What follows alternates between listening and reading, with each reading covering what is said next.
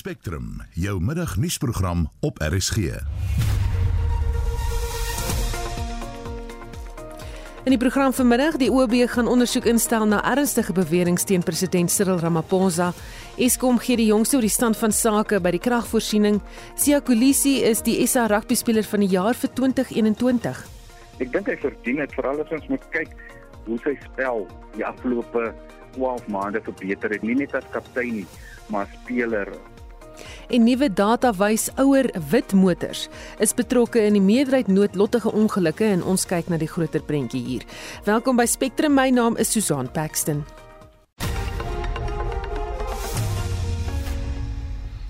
5 minute oor 12 jy luister na Spectrum.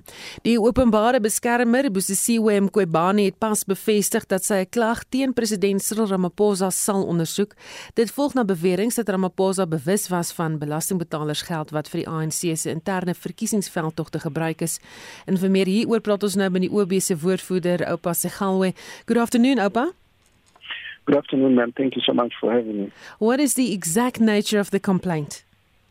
Well, this is a complaint filed in terms of the Executive Members Ethics Act, in terms of which the public protector has the power to enforce executive ethics. And these are uh, a set of uh, ethics that are applicable to members of the executive, being the president, all the way down to um, an MEC at provincial level. So if you look at the complaint itself, uh, the complainant, Mr. Mervyn Dirks, uh, alleges that in apparently being aware of improper conduct in respect of the use of public funds and not reporting it or doing anything about it, the president may have breached the executive ethics code. And so he wants the public protector to look into that. Hmm. Now you have 30 days to complete this investigation. Uh, what will it entail? Well, um, yes, the law does say that the public protector must conclude that investigation within 30 days, but it does recognize that it may not always be possible, in which case the public protector must uh, inform the president that she hasn't been able to conclude it within that time period and uh, inform him further that uh, she will furnish him with a report once the matter has been concluded. And the investigation itself will be just a standard way uh, that we apply to check what happened in other words, a, a factual account of who did what, when, and so forth, and what should have happened. And that is uh, when you look at the standards that ought to have been upheld, in this case, the provisions of the ethics code. And then ideally, what happened and what should happen should fit like a glove. But in the event of a discrepancy, it might point to a possible breach, in which case the public protector will make the finding. Hmm. When the investigation has been completed, uh, what will happen with the recommendations? The Act says um, on completion of this investigation, the public protector must provide the president with a copy of the report, and that the president must then um, table or, or, or uh, table that report in Parliament within 14 days of receipt, along with action that he intends to take. Now, you will see that at the time of crafting uh, this law. It was not envisaged that a president will find himself uh, in a position where the complaint is against him. But how we have dealt with that lacuna in the law is that when it is the conduct of the president that is in question, we then um, send the report to the Speaker of the National Assembly, where the, the, the president accounts, rather than sending it to the president himself, because you can't be a judge and jury in your own matter. Baie dankie. Dit was die openbare beskermer se woordvoerder, Oupa Segalwe. Die Padverkeer Bestuurskoöperasie het 'n verslag bekend gestel oor noodlottige ongelukke in Suid-Afrika. Die navorsing is gedoen oor 'n tydperk van 4 jaar en kyk onder meer na die fabrikaat, die kleur en tipe motors wat in hierdie ongelukke betrokke was. In hierdie tydperk was meer as 48000 voertuie in botsings, botsings betrokke wat gelei het tot meer as 45000 sterftes. Vir 'n ontleding hieroor praat ons nou met die bestuurshoof van Master Drive, Eugene Herbert. Goeiemôre Eugene. Hallo, Annelien, hoe gaan dit? Is Susan wat praat, maar sê gou vir my Eugene, wat oh, Hallo Susan, jammer. Ja. um, wat sou die doel wees van hierdie navorsing? Susan, om eerlik te wees kan ek weet ek nie, maar ek moet glo dat dat hulle sekere rede het want daar was 'n gesegde in Engels you can't uh, manage what you don't measure. So dit dit moet vir 'n sekere doeleinde gewees. Uh, uh, Hoopelik sou hulle dit met ons gedeel het sodat ons kan verstaan hoe hulle daai hoe hulle daai syfers interpreteer en wat die gevolge daarvan sal wees in in die toekoms. Dink jy dit kan help om uh, padveiligheid te verbeter? Uh, kyk enige iets uh, wat ons kan meet en om te verstaan wat in wat uh, gebeur op die pad sal help natuurlik maar ehm um, byvoorbeeld jy het gepraat van die van die feit dat hulle uh, sê 'n wit kar is uh, is uh, hierdie syfers wys dat dit meer geneig is daar's 'n uh, uh, in 'n botsing te betrokke is. As nood noodlottige uh, mense wat nou oorlede is. Maar nou wat die internasionale uh, navorsing wys dat eintlik is 'n wit uh, voertuig meer veilig op die pad. So ek hmm. weet nie hoe dit nou met uh, ander uh, uh statistiek sal sal uh, werk om te verstaan wat ons kan doen. Maar kyk, ons gaan nie nou nou 'n wit kar koop omrede dit veiliger is, maar as as gevolg van die feit dat dit veilig is, is dit tot ons voordeel. Ja. Die syfers toon ook dat die Volkswagen Polo en Toyota Hilux in die meeste noodlottige botsings betrokke is. Dien dit enige doel om die soort statistiek uit te lig? Ehm um, weet uh, ek het ek het 'n bietjie uh, van 'n probleem daarmee want alles wat dit sal nou veroorsaak die versekeringsmaatskappye sal sal hulle premies verhoog en die bybetaling sal seker vererger. Ehm um, as ons nou verstaan hoekom 'n uh, Apollo nou meer geneig is om in 'n botsing te betrokke wees, maar kyk is seker 'n jongere bestuurder, nê? Dis jou entry level voertuig wat hulle kan. Ehm uh, dis ook uh, die die ehm um, tipe persoon wat daai voet koop, sal seker wees meer geneig wees om sonder 'n sitblikgordel te bestuur. Meer geneig wees om om te spoed en so voort. So as as ons dit nou kan verstaan, sou dit eintlik uh, ons uh help om te verstaan wat ons nou met met die drywers sal doen met doen om daai statistiek te verbeter en dat dit nie eh, die gevolge uh, lei aan soos dit vandag is. Wanneer jy vra, jy weet, hou die navorsing dan nou enigstens rekenskap met die manier waarop mense bestuur of gaan dit hier bloot oor die syfers? As jy my persoonlik vra, is dit bloot oor die syfers, maar daarom kan ons bietjie uh uh daaruit leer. Ehm um, as ons nou uh, kan verstaan hoekom jongere mense vir 'n uh, spesifieke voertuig sal kies, is dit die prys. Wie moet wie jy weet seker mos dat die AA toetse gedoen oor sekere voertuie wat in Suid-Afrika ges uh, verkoop word en hoe hulle nou met die NCAP uh, uh standaarde uh, instem en as ons uh, daai twee uh, statistiek kan gebruik om om pad uh, veiligheid te verbeter dan sal dit fantasties wees. Nou leidens die navorsing is wit voertuie betrokke by 56,2% van die noodlottige botsings, het ons nog sê, en voertuie wat tussen 5 en 20 jaar oud is, is betrokke by 61,4% van noodlottige ongelukke. Wat sê dit vir jou? Wel, ek is ek is jammer dat hulle daai daai daai syfers tussen 5 en 20 jaar so gebruik het. Ehm uh, maar ons kan seker verstaan, ehm uh, die meeste eh uh, fabriekwaarborge wat op nuwe nuwe voertuie verkoop word en die ou stelsel voor right repair aangekom het, is is sal seker omtrent so 5 jaar wees met al miskien 100 000 kilos. En na 5 jaar ehm um, is dit nou die waarborgsgids verby uh, uh, uh, uh, 'n drywer sou seker na miskien na die uh, werkswinkel in in sy plaaslike area kan dit Soweto of in die in die suburbs gaan gaan diens en miskien is die standaard nie daar beter. En as gevolg van die feit dat daai drywer nou moet betaal uh, sal hy dit uitstrek so lank as moontlik voordat uh, die remme moet uh, vervang word en daai tipe van ding. So dis natuurlik verstaanbare ouer voertuig ehm um, sal in meer uh, uh, botsings betrokke word en daar's glad nie 'n standaard soos hulle in uh, verskillende um, uh, lande oorsee het waar voertuig na elke jaar of elke 2 jaar vir 'n MOT moet gaan om seker te maak dat die die die voertuig eintlik padwaardig is. Jy sal seker sien wat voertuig wat oor 20 jaar oud is, is glad nie padwaardig. Hmm. Baie dankie. Dit was die bestuurshoof van Master Drive Eugene Herbert. Ons bly by die storie en praat nou met die woordvoerder van die Automobiel Assosiasie, Luiten Beerd. Goeiemôre Luiten. Goeiemôre Susan, goed om by jou te wees. Sê vir my wat jou indrukke van die verslag? ek dink dit is 'n baie goeie verslag in die opsig dat dit goed saamgestel is en ek dink dit is baie interessante inligting. Um, my grootste probleem daarmee sal wees hoe dit uh, ten opsigte van padveiligheid uh, of hoe dit met padveiligheid gaan instem. Um, hoe, hoe gaan dit op die ou einde van die dag daartoe lei dat ons beter padveiligheid in Suid-Afrika het?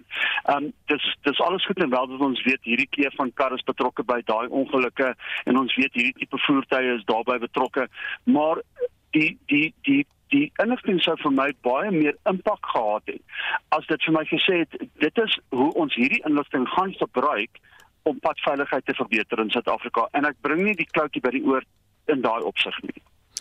En eh, ek wou nou vir jou vra, jy weet wat dink jy is die beweegrede agter hoekom hierdie navorsing dan gedoen is? Ja, ek jy weet ek dink dit is 'n vraag wat jy natuurlik vir die padveiligheid owerheid sal moet vra. Ehm um, weer eens jy weet uh, daar is natuurlik baie geld spandeer op hierdie op hierdie navorsing oor 'n 3 en 'n half jaar periode. Dit is begin in Oktober 2017. Ehm um, ja, ek ek weet nie wat die rede eintlik daar daar agter is nie. Ons weet wat byvoorbeeld die die die padsterfte syfer in Suid-Afrika is ons weet wat die padongelukke syfer in Suid-Afrika is. Uh, ons moet byvoorbeeld kyk na wat is die maatreëls wat ons in plek moet sit om daai uh, padveiligheid in Suid-Afrika te verbeter. Met ander woorde, hoe bring ons die padongelukke syfer in Suid-Afrika onder. Hoe maak ons dit minder? En gaan dit ons help om te weet dat hierdie spesifieke karre en hierdie spesifieke kleur van karre en hierdie tipe uh detail van karre betrokke is in plaas daarvan dat ons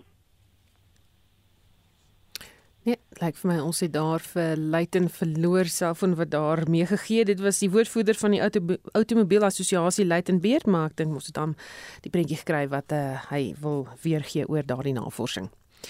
Die Reserwebank sal na verwagting later vanmiddag rentekoerse met nog ten minste 25 basispunte verhoog. Rentekoerse is in November ook verhoog met 25 basispunte en ons praat nou met die hoofekonoom van PwC, Lulu Kriel. Goeiemôre Lulu. Goeiemôre Susan. Goeiemôre luisteraars. So, wat is jou verwagting gaan uh, die rentekoerse verhoog? Ja, ongelukkig moet ek sê, ehm um, het is ons verwagting ook dat rentekoerse met 25 basispunte gaan verhoog. Ehm um, ons het verlede jaar uh in November voor die voor die eerste verhoging het ons gesê gaan dit hierdie jaar gebeur, gaan dit volgende jaar gebeur. Ehm uh, maar ja, hulle het toe reeds verlede jaar die die die beweging gemaak en uh ons ongelukkig verwag dat oor die volgende reeks ehm um, vergaderings van die Reserwebank gaan ons daardie 25 basispunte verhoging sien en 'n totaal van 250 basispunte ehm um, of miskien selfs 300, maar 250 tot 300 basispunte wat ons waarskynlik gaan terugvat tot, tot waar ons voor COVID-19 was, ehm um, in terme van waar ehm um, waar die rentekoerse behoort te eindig. Ehm um, dit klink erg. Ek moet nogal sê as 'n ou nou daaraan dink en jy is 'n verbruiker, jy weet 300 basispunte of 3 persentasiepunte. Dit klink erg, maar rentekoerse is daarom histories op 'n uh, op 'n redelike lae punt selfs al uh, neem ons daardie 300 basispunte in ag. Is dit 'n na jou mening 'n positiewe of 'n negatiewe ding? Dis nooit 'n positiewe ding uh vir die groot groot hoeveelheid Suid-Afrikaners nie. Ehm um, natuurlik as jy as jy geld uh in die bank het of op korttermynbeleggings of rente verdien, dan is dit goeie nuus. Ehm um, ek meen as mense kyk ook na baie mense wat miskien afgetree is, so noodwendig vir hulle is dit noodwendig slegte nuus nie, maar vir die groot hoeveelheid Suid-Afrikaners uh wat een of ander vorm van skuld het, ehm um, is dit nie goeie nuus nie. Uh want dit beteken dit wat jy ehm um, uiteindelik per maand het om op ander goed te spandeer. Ehm um, is minder. En die ironie is en dis nou natuurlik iets waarmee ons al 'n geruime tydjie in Suid-Afrika mee sit, is dat ehm um, die inflasie uh, wat ons in die ekonomie sien is nie as gevolg van sterk ekonomiese groei of vraag uh, 'n toename in die vraag in die ekonomie nie, maar eerder as gevolg van ingevoerde koste as dit so kan stel soos byvoorbeeld uh die brandstofpryse wat verhoog en so aan. So dis nie dis nie ehm um, dis nie vraag wat die inflasie dryf nie, maar eerder ander faktore. So, ehm um, vanuit daai perspektief is dit beteken dit minder geld in jou sak en uh dit kom nie noodwendig van 'n van 'n positiewe plek af in die ekonomie nie.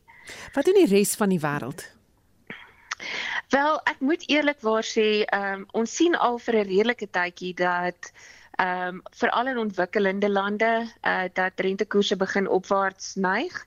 Uh ons was intedeel is as Suid-Afrika 'n bietjie agter die die siklus van die res van die wêreld gewees. Ons het stadiger beweeg.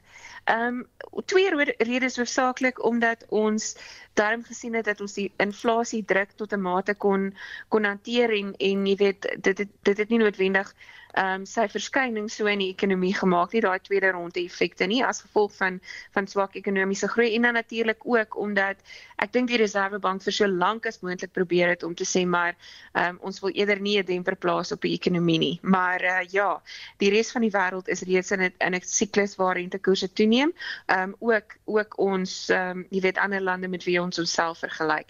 So ehm um, as jy mens gaan kyk na die moontlike impak wat dit kan hê op die op die wisselkoers uh was dit ook tyd dat ons ehm um, hulle ongelukkig moes begin volg. Baie dankie. Dit was die hoofekonoom van PwC, Lulu Kriel. En terug na een van ons vorige stories en dit gaan nou oor hierdie ongelukke in die verslag wat daar bekend gemaak is in die navorsing en dit het 'n debat hierso op die SMS-lyn ontknope. Mense wat sê, ehm um, het hulle dan die die gender en ras ook in gedagte gehou met navorsing regtig sê die persoon en dit maak nie sin nie en dan nog iemand wat sê daar is meer wit motors op die pad as enige ander kleurvoertuig en waarskynlik meer polos as ander motors sal persentasies van klere en tipe voertuie in ag moet neem. Dis Johan wat so sê en dan sê iemand daar's meer wit voertuie op die pad. Dit is waarom daar meer ongelukke is. So jy kan ook nog saamgesels as jy lus het oor hierdie kwessie of enige van die ander nuus. Dan stuur vir ons 'n SMS en dan kyk ons bietjie wat sê julle alles. Die regering het 'n besprekingsdokument gepubliseer waarin 'n sogenaamde twee-pot-stelsel vir pensioenfonde voorgestel word. Dit beteken lede van pensioenfonde kan voor aftrede reeds toegang tot 'n derde van hulle fondse kry. Die res 2/3 moet vir die doel van aftrede behoue bly. Suid-Afrikaners het kans tot Maandag om kommentaar te lewer op die dokument en ons het by luisteraars gehoor wat hulle hiervan dink. Tipies ANC wat nie verder as hulle neuse kan dink of vakbonde ook ondergang wees van al die mense wat daaraan toegee.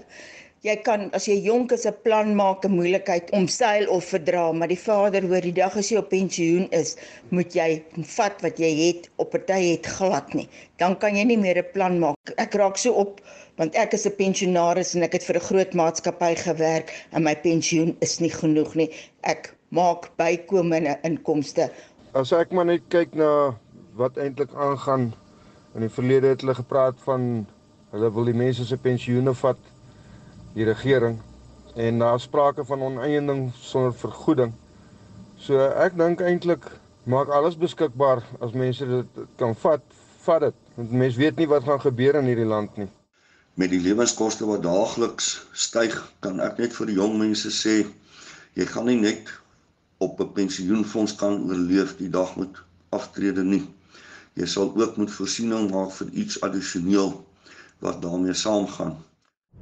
Ek dink dit is 'n baie baie goeie idee. Wat heidaglik nou gebeur is jou salaris kom in en so te sê 3 kwart van jou salaris gaan vir jou uitgawes. Persoonlike lenings, karskuld. Kom ons sny net daai uh, persoonlike lening en karskuld uit. Hoeveel ekstra geld gaan die verbruiker nie hê om te bestee op ander dinge nie? So sal die ekonomie kan groei. Wat die pensioene betref, is dit so 'n moeilike posisie. Al wat vir my regtig 'n probleem is, 'n mens weet nie of jy die staat kan vertrou met jou pensioen nie. Dit is alleen van Noordwes. En dit was van ons luisteraars se mening oor die regering se voorstel dat inwoners 'n derde van hulle pensioenfonds kan onttrek in die maar jare. Lede van die publiek het kans tot Maandag om kommentaar te lewer op die besprekingsdokument in die verband. Die medisyne wat die Suid-Afrikaanse Nasionale Weermag by Kiba aangekoop het vir gebruik teen COVID-19 is glo terugbesorg aan Kiba. Dis egter nog nie seker of die 260 miljoen rand wat daarvoor betaal is terugbetaal is aan die weermag nie. Die uitslag van die ondersoek deur die ministeriële taakspan wat gister aan die staande komitee van verdediging voorgelê is of die uitslag daarvan is daar voorgelê. En ons praat nou met die Diaskari minister van verdediging Kobus Maree. Goeiemôre Kobus. Goeiemôre, môre Susan, goeiemôre aan jou luisteraars. Voel of daar meer vrae as antwoorde is na die verslag? Ja, verseker, eh, dit was eintlik 'n baie swak verslag in my opinie. Dit was 'n baie bevooroordeelde verslag en dit was 'n uh, deur spek met uh, met met um, ek dink ek dink onwaarhede, uh, foute um, en en die reaksie van die ouditeur-generaal gister as ook uh, SAPRA se se voorsitter en se hoofuitvoerende beampte was baie duidelik dat hulle is baie ongelukkig met van hierdie sogenaamde bevindinge wat daar gemaak is. Ehm um, die uitsprake rondom ideologie uh en en en hoe dit onregverdig is oor uh, teenoor Cuba en hoe die ehm um, medisyne uh, of die farmaseutiese bedryf dan nou uh, bevorder word deur SAPRA en dat hulle die die, die weste dit domineer en dat hulle nou iets teen Cuba het uh is eintlik skokkend en uh, en dit is meer 'n 'n verslag wat baie baie baie meer vrae laat ontstaan het um, as wat hulle antwoorde hmm. enigsins gegee het. Weet ons of die medisyne werklik terugbesorg is en waar die geld is? Susan, wat ons weet op hierdie stadium is dat uh, daar was aangekondig dat hulle het aan een van die aanbevelings voldoen en uh, toe het die uitvoerende hoofuitvoerende beampte van SAPRA wel gesê dat hulle hulle het 'n brief gekry om uh, aansoek te doen dat hulle wel die medisyne kan kan terugbesorg. Ehm um, en uh, toe het die hoof van die van die weermag ehm um, Grambanya gesê dat hulle het wel die medisyne teruggestuur. Ek is bewus daarvan dat 'n vliegtyg van uh, Zimbabwe lugdiens uh, gehuur was uh wat onder andere ehm um, sekere ontevredes uh vlieënierstudente ook teruggebring het gisteraand uh, laasnag en vanoggend dat dit waarskynlik met daai vliegtyg is wat hierdie hierdie ehm um, medisyne is dan nou uh of hierdie ampules dan nou teruggestuur is Kiba toe. Ehm um, wat uit die aard van saak vir ons goeie nuus is want dit het ons laas jaar al gesê uh was 'n totale mors van geld en tyd en dit moes lankal terugbesorg gewees het. En die geld, weet ons waar dit is? Op hierdie stadium weet ons dat daar was ongeveer 30 miljoen rand was wel betaal gewees toe die dit was vir die eerste faktuur. Daar was drie uh, besendings wat afgelewer was. Vir die tweede en die derde, dit is 'n dispuut en is waarskynlik 'n diplomatieke dispuut met uh, want die uh, die die finansiële hoof van die departement van verdediging het blykbaar geweier om die betalings te laat doen omdat uh, dit baie duidelik was dat dit was ook vanaf die ouditeur-generaal dat dit is nie net 'n uh, onreëlmatige uh, kontrakte en betalings nie maar waarskynlik onwettige kontrakte uh, en betalings uh, wat dit dan sou sou elk geval gewees het. So ons weet dat daai is nog nie betaal nie volgens alle aanduidings en die verslae aan ons wat goeie nuus is maar uh, maar of dit of die regering wel 'n nasionale tesourie wel aan die einde gaan toegee om vir Kiba die geld te betaal weet ons nie op hierdie stadium en hoop ons nie en sal ons natuurlik beveg sover as wat ons kan.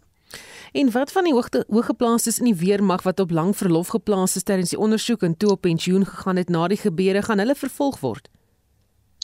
Wel ons gaan definitief alles in ons vermoë doen om dit te laat gebeur. Jy weet ek het in uh, 2020 het ek probeer om 'n klagte te lê teen lede van die van die militêre bevelsraad by die militêre ombud uh wie dit toe geweier het om te ondersoek en met 'n klomp flimsie verskonings gekom het.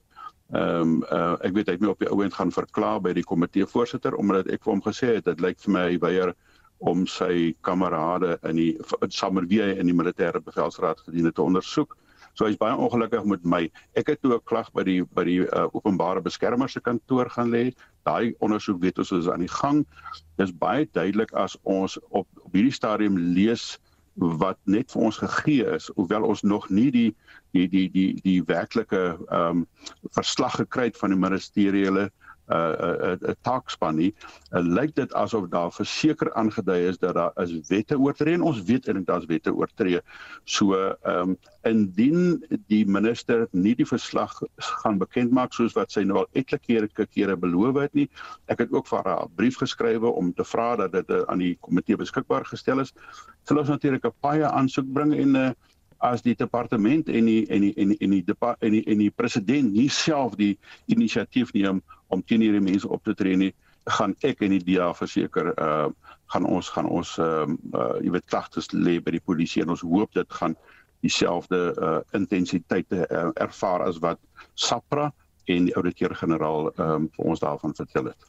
En wat van die aantuigings deur die weermag dat die Suid-Afrikaanse gesondheidsprodukte reguleerder namens farmaseutiese maatskappye maatskappye optree om hulle medisyne te bemark en daarom die bohaai oor die gebeure en die feit dat die weermag sê hy het die regte of het regte in die saak uh, wat bo die van die land staan?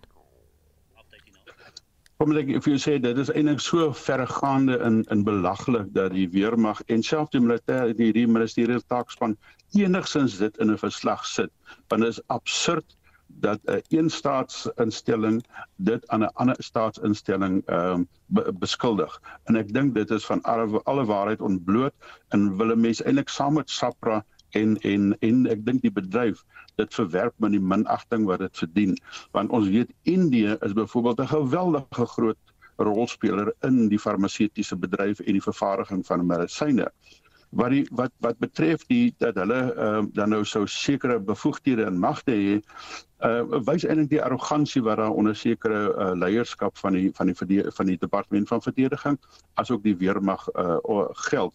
Reg in die begin toe ons die eerste uh voorleggings gekry het rondom hierdie saak het 'n uh, 'n brigadier-generaal uh, uh Chalisi vir ons laat verstaan dat in 'n staat van van 'n uh, noodtoestand het 'n weermag sekere magte en bevoegdhede en hoef hy nie sekere wette na te kom nie. Ons het onmiddellik vir hom gewys daarop en ek het onmiddellik vir hom gewys daarop. Ons is nie in 'n staat van 'n uh, noodtoestand nie, maar in 'n staat van 'n uh, state of disaster uh, uh, in in in dit 'n uh, ramptoestand en Sapra het ook gister uh, dit baie duidelik gemaak dat daar is nêrens enige refleksie of 'n verwysing in hulle wetgewing die departementele die departement van verdediging se wetgewing die grondwet of enige ander wetgewing wat vir die weermag enige uh behoor bevoegdhede gee nie. So dis eintlik baie swak en dit wys eintlik dat daar is mense wat nie bereid is om verantwoordbaarheid te neem vir dit wat verkeerd gedoen is ooglopend nie. Baie dankie. Dit was die Askari minister van verdediging Kobus Maree. Eskom is besig met 'n media-konferensie oor die stand van sake by die kragvoorsiener. Die bestuurshoof Andrei de Ruyter het vroeër gesê hulle maak heelwat vordering om probleme hok te slaan en Marlenae Forsie volg die konferensie. Die leierskap lyk trots. Ja, soos Andrei de Ruyter sê, hulle uit hulle ingryping begin vrugte werp. Hy het klem geplaas op die daling van onbeplande kragonderbrekings en hy sê die ondersoek na die ontploffing by die Medupi-stasie is byna afgehandel. Sekuriteit is boonop opgeknap om te verseker dat vandalisme van Eskom se eiendom wat verlede jaar 'n groot probleem was en die kiem te smoor. We have employed 450 additional security guards. We have deployed uh, drones equipped with infrared cameras to also be able to operate at night, as well as uh, installed intelligent cameras that can detect untoward behavior at our facilities. And alert control rooms so that we can dispatch security teams to respond. It's still early days, but it really seems to ensure that we are able to protect our assets through both overt as well as covert intelligence gathering and surveillance to ensure that uh, those who, for whatever peculiar reason they might have wished to cause damage to our infrastructure, that those people are prevented from doing so. En die kwaliteit steenkool het volgens hom ook verbeter. We had no incidents of uh, disruptions caused by wet coal, so our rain preparedness program worked really well and proactive planning put in place by Philip and the team really have made a big difference there.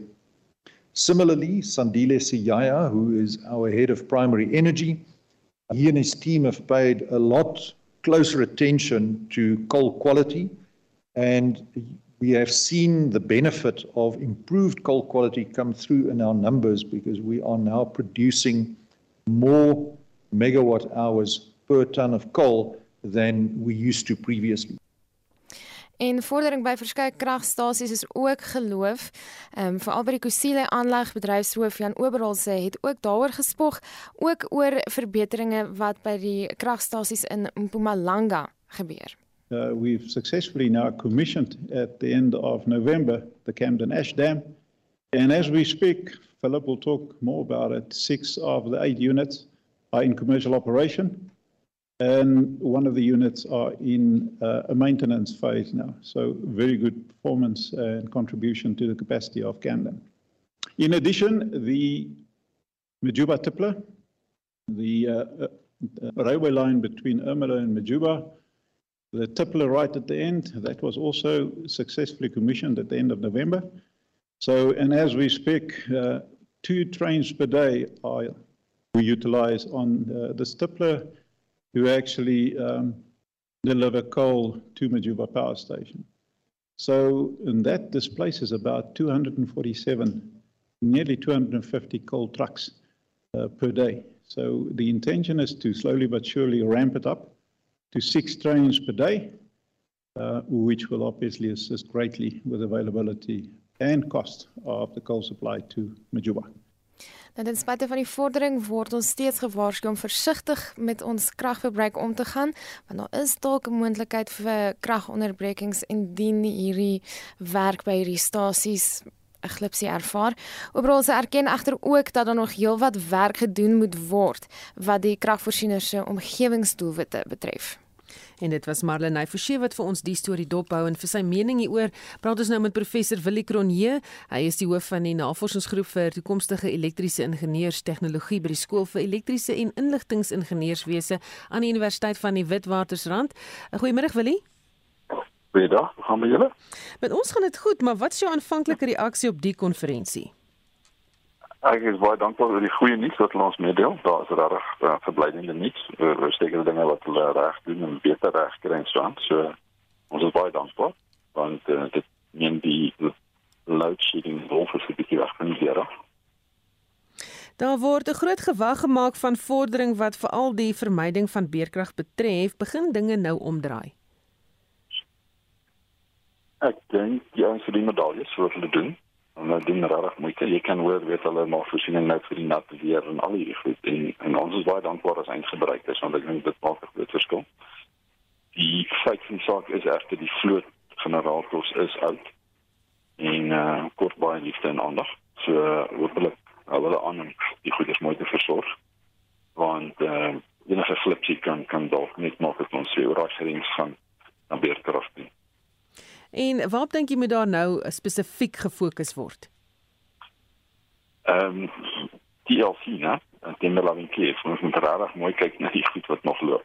Dat hulle nie uh, uh per ongeluk uh, uitval nie. Hmm. Dit is dit is die belangrikste taak op die stadium is om mooi te sorg vir al die wat nog werk. En wat van die gebrek aan vordering in omgewingsdoelwitte? Dit is nou twee snydende swaard, né? Want uh aan die een kant dit kos baie geld om te doen. Aan die ander kant wil ons nie 'n veilige omgewing leef nie. So mens moet maar druk toepas dat die ouens wel daarna kyk. Maar in die kort termyn wil ons eintlik sonder elektrisiteit dit nie. Dit is nou letterlik dis nie duiwel in die diepsee. Uh ek wil dit as 'n skoon omgewing hê en ek sal bietjie meer versigtig wees met elektrisiteit. Ja, ek het gebruik. So ek dink dis moet almal saam werk aan hierdie skepie. Dat ons almal versigtig ons elektrisiteit gebruik, bietjie verlaag. So dat die ons dan die kapasiteit het om dan te kyk na hierdie skoon ner opbouing. Baie dankie, dit was professor Willie Cronje, die hoof van die navorsingsgroep vir toekomstige elektriese ingenieurstegnologie by die skool vir elektriese en inligtingingenieurswese aan Universiteit van die Witwatersrand. Die minister van Minerale Bronne en Energie, Gwede Mantashe, sê hy is onder beleg van omgewingsbewaringsgroepe. Hy voer ook verder aan dat hy bewus is van buitelandse befondsing wat die groepe befonds om doelbewus beleggings in die Suid-Afrikaanse ekonomie te saboteer. Mantashe het uitgevaar teen die groepe nadat nog 'n hof aansoek geloods is om beweerde seismiese toetsing langs die Weskus stop te sit. Liz McDade van die Green Connection het vroeër aan SAK nuus gesê dat minder as 'n maand na die burgerlike samelewing in die hof was oor die tipe toetsing aan die Wildekus, moet hulle weer gaan veg in die hof vir oorlewing die keer aan die Weskus. Mantashe het intussen aan SAK nuus gesê beleggers wat verhoed word om ondersoek in te stel na die volhoubaarheid van hulle belegging, hulle geld na ander lande vat. If the program is to stop exploration, whether it is in the land or it is in the ocean, you're actually saying we should not even verify if we've got the wealth. And if we do that, it means we won't develop both the mining and the energy sector. And if the, and, and the theme that is out there will stop the investment through the courts. The reason for that is simple. If I'm an investor, I want to invest in a project in South Africa. ENI, for example, of the coast of Durban, was doing exploration. It was uh, subjected to 49 environmental assessment. And they did well in all of them. They were all passed. Then when they pass them, they should start. They're taken to a legal review. And ENI say, okay, right, to the legal review, let's move on for the time being. We'll see if we will ever come back. And they live uh, actually to exploration in Cote d'Ivoire and they discovered huge deposits of oil. Shell, which was given a number of names in the Eastern Cape, has been interdicted. They were working in Namibia. Our news is that they have made a discovery of oil in Namibia. Mantashe stel voor dat wanneer dit kom by ekonomiese belegging in die land, dit voorkeur moet geniet. Now the issue is that's why our suggestion is that there must be a dispensation created for cases that are investment related. For that special courts can be created to look into those cases, accelerate those costs. They win and lose, but the process must be long. But no investor will wait here for three years or four or five years waiting for our legal system and the wheels to roll. No investor. Investors are going to migrate. And that reality is beginning to dawn for us in many ways. Mantashe het ook 'n kinderfonds daarvan beskuldig dat hy agter die sabotasie van beleggings in Suid-Afrika sit. The Children Investment Fund Foundation from UK, which is funding a lot of these organizations to disrupt us. Actual part of their chapter is uproot the MRE. Fortunately, we know now, and uh, we'll have to put our feet firm on the ground and not be uprooted. Die groep befonds 'n skool by die Universiteit van Kaapstad wat elektrisiteitsvoorsiening bestudeer. Mantashe hou vol dat dit net 'n front is. But when academics channel that money partly to CSIR, which is a research institution, and to civil society organization whose program is simple, uproot the, the TMRA, then they have actually, that's, that's an academic overreach. If it's a research, no problem. When they channel that fund to other formations, that is an academic overreach. Mantashe het ook gereageer op aantuigings dat hy nie omgee oor die omgewing nie en het sy en ander se belange in die mynbousektor beskerm. Hy voer aan dat hy nie teen dit is nie, maar die tempo van verandering is belangrik. That argument and that allegation reflects allergy to a debate that we must be systematic and be programmatic in scaling down coal, which is the output, the outcome of the COP26. It doesn't say switch off coal. It says move out of coal, and that has been my argument all the time. Number two, talking to my colleague, I say Europe has now, the EU, uh, declared nuclear and gas as green transition, as part of the green transition. Now, and I said, I hope that decision will impact on our thinking and how we do things in South Africa, hopefully. And my own view is that any extreme decision making is potentially dangerous. En dit was die minister van minerale bronne en energie, Gwede Mantashe.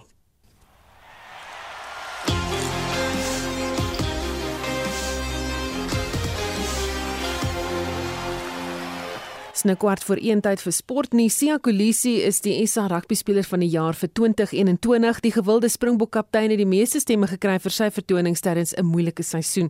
Die RSG sportaanbieder en rugby kommentator Jody Hendricks deel sy mening oor die toekenning. Ek dink hy verdien dit veral as ons moet dink terug na die wêreld rugby toekenning van die jaar waar hy nie eens op die kortlys was nie. Maar jy moet kyk hoe sy spel die afgelope 12 maande verbeter het Justin, nie net as kaptein nie, maar speler dink ek hy was beslis die beste speler vir Suid-Afrika in 2021. En Apelele Fassi het ook die jong speler van die jaar toekenning gewen. Verdien hy dit? Ek dink absoluut so as jy dink aan sy debuut. Ek was by die wedstryd waar hy sy debuut in Georgia gemaak het en 'n 3 uh, gedruk het toe die eerste keer aan die bal geraak het. Toe men speelkans gekry, ek dink hy moes 'n paar wedstryde meer gespeel het in 2021, maar beslis speler met 'n blink toekoms voor hom. Ek dink ook die feit dat Willie Leroux nou aan die einde van sy loopbaan kom, kan ons dalk meer van Apelele Fassi in 2022 sien waar hy meer in die groen en goud gaan speel. Jody, watter ander toekenning staan vir jou uit? Ek dink Jake White as afrigter van die jaar, hy verdien dit wat hy die afgelope 12 maande by die Bulle vermag het. 'n Ervare afrigter um, in die Karibebeker het hy sy ervaring gewys in die Verenigde Rugby Kampioenskap, maar ek dink Jake se groot toets gaan wees wanneer die grense weer oopgaan en daar teenoor seese spanne gespeel word en ek dink dit gaan die Bulle toets uit. Uh, daar was baie kritiek oor die spelers wat hy loftes toe gelok het. Ek dink aan Johan Goosen, Arno Botha, Marcel en al die spelers wat nou weer terug is by die wille um, ervare spelers en dit het sy werk makliker gemaak maar ek dink beslis Jack White uh, afrigter van die jaar en dan wil ek net Ronald Brown die Blitzboks speler van die jaar noem ek dink dit is ook 'n speler wat ons op uh, in die sewe span moet dophou. Jody Hendricks die RC sportaanbieder en rugby kommentator.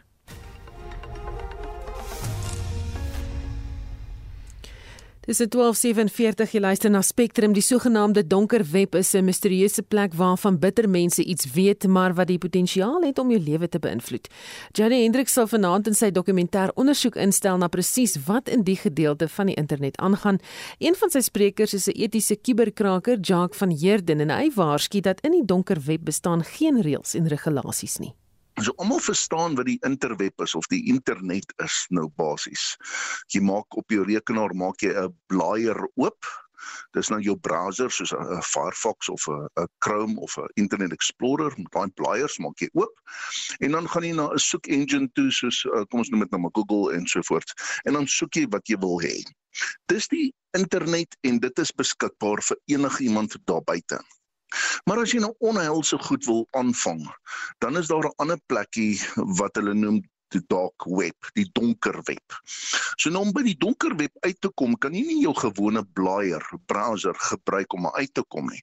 So wat jy nou basies moet doen, nou moet jy 'n spesiale blaaier kry om by die donker web uit te kom. Want ons baie sekere reëls hoe jy daar uitkom. Wat se onheil praat jy van? Wat gaan alles hier op die donker web aan? So as mens dink van 'n van 'n kriminele oogpunt af, sal mens nou dink aan goeie soos pedofilia. Ehm um, mense wat met kinders smokkel. So jy kan eh, as ek nou sê jy kan enigiets op die donker web kry en doen, bedoel ek enigiets. Nou kom ons definieer die woord enigiets. Kom ons sê ek soek kredietkaarte wat vir my geverifieer is en ek wil dit nou koop want ek wil nou 'n uh, kriminele daad pleeg. So nou kan ek kredietkaarte gaan koop. Dis klaar vir my geverifieer dat daar geld op die kredietkaart is en nou koop ek die kredietkaart en nou gebruik ek dit by 'n klerewinkel en dan gaan koop ek klere op iemand anders se rekening. So jy kan jou kredietkaart, jy kan ehm um, kredietkaarte koop, jy kan parte koop ek bedoel mensparte soos niere, longe, enigiets kan jy koop daarso. Jy kan bloed koop. Jy kan missiele koop, jy kan gewere koop, jy kan handgranate koop. Jy kan enige vorm van dwelms in drugs kan jy koop daarso. So onheil beteken regtig waar die onheil As ek nou nie heeltemal so gemaklik en vinnig daar kan uitkom soos net om in Google in te gaan op die gewone internet nie, ja. hoekom moet ek bewus wees van gevare? Op die einde van die dag hoef jy almal nie bekommerd te wees nie want dit raak hom glad nie. Maar hoe gaan dit hom raak? So dit raak hom in die volgende manier. Kom ons sê daar kom 'n virus op sy rekenaar op en dis 'n losprys virus, hierdie ransomware virusse. Hierdie losprys virus sê dan vir jou as jy jou data wil terugkry, gaan jy vir ons soveel geld moet betaal. Dis nie 'n kwessie van jy vat jou kredietkaart en jy tik net jou nommer en jy betaal dit nie. Dit dit werk glad nie so nie. So die ding is, pla dit die man, al man in die straat? Nee. Gaan dit om raak? Dit raak hom net as daar iets gebeur het op sy rekenaar en hy moet so 'n losprys betaal. En dit was die etiese kuberkraker Jacques van Heerden. Onthou vanaand om 8:00 die volledige dokumentêr van Jody Hendricks getiteld Die Diep Donker Web. Dit klink of dit baie baie interessant gaan wees. 'n Jongste Afrikaanse bokser eerder as 'n akteur is gekies om die rol van Gerry Coetzee in 'n internasionale rolprent te vertolk. Die vervaardigers het hierdie nuus gister tydens 'n media-konferensie in Kaapstad bekend gemaak en Anne Marie Jansen van Vuren doen verslag. Suid-Afrikaners gons reeds 'n geruime tyd lank oor die nuus dat die verhaal van die bokser Gerry Coetzee in 'n rolprent omskep gaan word. Die rolprentspan het egter sopas eers die nuus bekend gemaak oor wie die hoofrol gaan speel. Die vervaardiger, Andrei Skols, sê die skopbokser en meester van oosterse gevegskuns, Driekus Du Plessis, is die uitverkorene. Ons moes 'n besluit neem of ons akteur gaan gebruik by die rol van Gerry speel of om 'n bokser te gebruik wat die kuns kan aanleer om vir 'n kamera op te tree. Was 'n baie moeilike besluit geweest, maar uiteindelik was dit toe die mees praktiese besluit om in steede van 'n oorseese akteur te kry in COVID tyd en om nog 'n uh, boksgeveg reg te kry, fiks te kry was baie meer problematies as wat dit sou wees om 'n jong Suid-Afrikaanse bokser te kry wat verteenwoordiging is van 'n jong Gerry en dan hierdie jong man kans gee by wyse van opleiding oor 'n kort periode van tyd om vir die kameras op te tree. So dit is ons uiteindelike besluit gewees om 'n plaaslike bokser te kry wat dan die rol van Gerry kan vertolk en ons glo dit sal die beste uitweg wees vir die hoofrol van Gerry. Skols werk al byna sy hele lewe lank in die rolprentbedryf en het rolprente soos Doorbos, Die Wonderwerker en Panic Mechanic op sy kerfstok. Dog laat die gedagte van die Gerry Coetzee rolprent getiteld Against All Odds sy hart vinniger klop. Buiten vir die storie is dit weens die feit dat hy saam met 'n ou bondgenoot, regisseur Koos Roots, hieraan kan werk toe koos my vra of ek betrokke raak by die vervaardiging van Robin oor Gerry. Moet ek sê ek het twee keer gedink nie. Gerry kom met die era uit wat wat baie bekend is aan my in die 80s.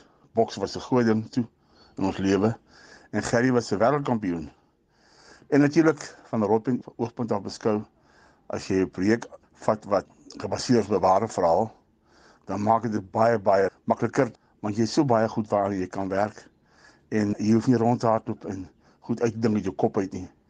En die draaiboek wat Koos ontwikkel het, is 'n uitstekende draaiboek waar hy so baie goed na vore toe kom wat vir die kyker baie baie goed gaan wees. En ook vir Gerry, hy het hierdie vertel Gerry se verhaal uit 'n baie goeie oogpunt agbyt.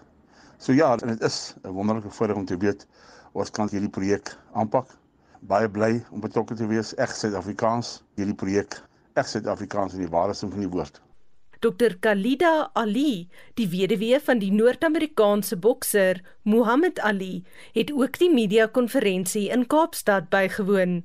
Sy het insa in die rolprent se draaiboek gegee omdat haar man 'n spesiale vriendskap met Kutse gehad het.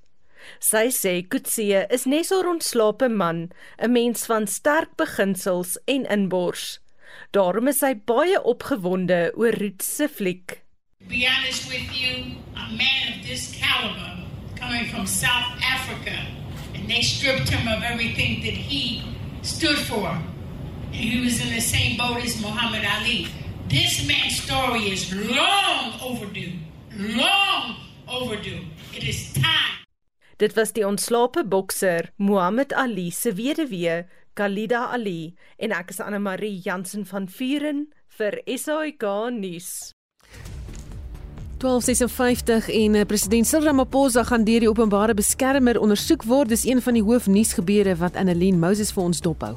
Ja, Susan, die OB se woordvoerder, Oupa Segawe, het op Spectrum bevestig dat die geskorste ANC LP Mervin Dirks die klag ingedien het. the complainant, Mr. Mervyn Dirks, alleges that in apparently being aware of improper conduct in respect of the use of public funds and not reporting it or doing anything about it, the president may have breached the executive ethics code. And so he wants the public protector to look into that. Na die aankondiging gons dit op sosiale media oor wat met die saak gaan gebeur. Die hitsmerk op Twitter, Skoupa, handel ook hieroor. Die Padverkeersbestuurskorporasie se verslag oor noodlottige ongelukke is bekend gemaak. Gevra oor sy reaksie hierop het die bestuurshoof van Master Drive, Eugene Herbert, so geantwoord ek het 'n bietjie uh, van 'n probleem daarmee want alles wat dit sal nou veroorsaak die versekeringsmaatskappye sal sal hulle premies verhoog en die bybetaling sal seker vererger. Ehm um, as ons nou verstaan hoekom uh, Apollo nou meer geneig is om in 'n botsing te betrokke wees, maar kyk is seker 'n jongere bestuurder, nê? Dis jou entry level voertuig wat hulle kan. Ehm uh, dis ook uh, die die ehm um, tipe persoon wat daai voertuig koop sal seker wees meer geneig wees om sonder 'n sitplek gordel te bestuur. Meer geneig wees om om te spoed en so voort. Ons het die hoofekonoom van PwC, Lulu Kriegel, uitgevra oor wat ons te wagte kan wees wat die Reserwebank se aankondiging oor rentekoerse later vanmiddag. Hier is wat sy voorspel het. Ongelukkig moet ek sê is ons verwagting ook dat rentekoerse met 25 basispunte gaan verhoog. Ons het verlede jaar uh in November voor die eerste verhoging het ons gesê gaan dit hierdie jaar gebeur, gaan dit volgende jaar gebeur. Ehm uh, maar ja, hulle het toe reeds verlede jaar die die, die beweging gemaak en uh, ons ongelukkig verwag dat oor die volgende reeks vergaderings van die Reservebank gaan ons daardie 25 basispunte verhoging sien en 'n totaal van 250 basispunte of miskien selfs 300 maar 250 tot 300 basispunte wat ons waarskynlik gaan terugvat tot, waar ons voor COVID-19 was. Dit is ook 'n gewilde besprekingspunt op Twitter met die hitsmerk Repo Rate. Monitor bespreek môreoggend die aankondiging in diepte met 'n ekonoom. Ook in die program is daar 'n verslag oor die Kankeralliansie wat raadop is omdat pasiënte nie toegang het tot fasiliteite by die Charlotte Macleke Hospitaal nie. Die saak van ontvoering en moord teen die vermeende reeksmoordenaar Themba Dube is in die Seshego Landdroshof in Limpopo uitgestel. Dube word aangekla in verband met die moord op sewe vroue in en om Polokwane verlede jaar. Die saak is tot 28 Februarie uitgestel sodat die uitslae van DNA-toetse afgehandel kan word. En dit was Annelien Moses. daarmee groet die Spectrum span. My naam is Susan Paxton.